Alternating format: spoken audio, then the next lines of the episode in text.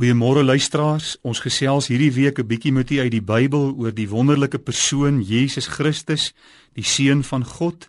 En ons het gisteroggend gesien dat sy kruisdood tot vandag toe 'n kragtige effek in mense se lewens het. Op 'n dag vra die Here Jesus vir sy disippels: "Wie sê die mense wie is ek?" Hulle kyk na mekaar en hulle begin antwoord. Party sê Johannes die Doper. Ander sê Elia. Ander Jeremia en ander sê nee, hy's een van die profete. Dis baie duidelik dat die mense van daardie tyd net soos vandag gesukkel het om te verstaan wie die Here Jesus werklik is.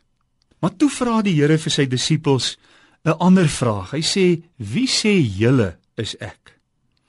En Petrus wat ons weet maar altyd eerste geantwoord het en wat bietjie voortvarend was, sê: "U is die Christus, die seun van die lewende God."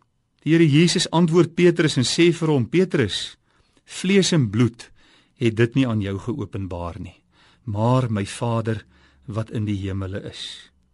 Jy sien dit maak nie saak wat mense van die Here Jesus sê nie. Dit maak nie saak wie hulle dink hy is nie. Daar is vandag soveel boeke op die mark wat Jesus op ander maniere voorstel as wat die Bybel hom voorstel. Maar dit maak nie saak hoe mense hom probeer afgradeer om te sê dat hy byvoorbeeld net 'n blote profeet is nie. Hy is wie hy is en niks en niemand anders kan dit verander nie. Nadat hy seker was dat sy disippels presies geweet het wie hy is, sê hy die volgende vir hulle: As iemand agter my wil aankom, dan moet hy homself verloën, sy kruis opneem en my volg. Die watter woordjie in hierdie sin is vir my uitstaande. Een van die kleinste woordjies, die woordjie wil. sien om 'n volgeling van Jesus te word is 'n vrywillige saak. Die Here Jesus gaan niemand op aarde dwing om sy disipel, sy volgeling te word nie. Christene kan ook nie ander mense dwing en ons behoort ook nie ander mense te dwing om Jesus te volg nie. Ons hoef nie met mense te stry en te beklei oor wie is reg en wie is verkeerd nie, want dit gaan nie oor reg en verkeerd nie. Dit gaan hieroor: Wil jy 'n volgeling van Jesus wees?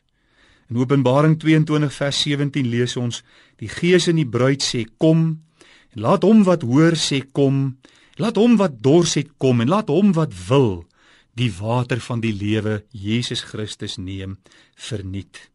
Ek lees van Billy Sunday die befaamde evangelis in Amerika dat hy een Sondagmiddag saam met 'n klomp bofbalspelers uit 'n kroeg gekom het en daar was mense wat van Jesus getuig het.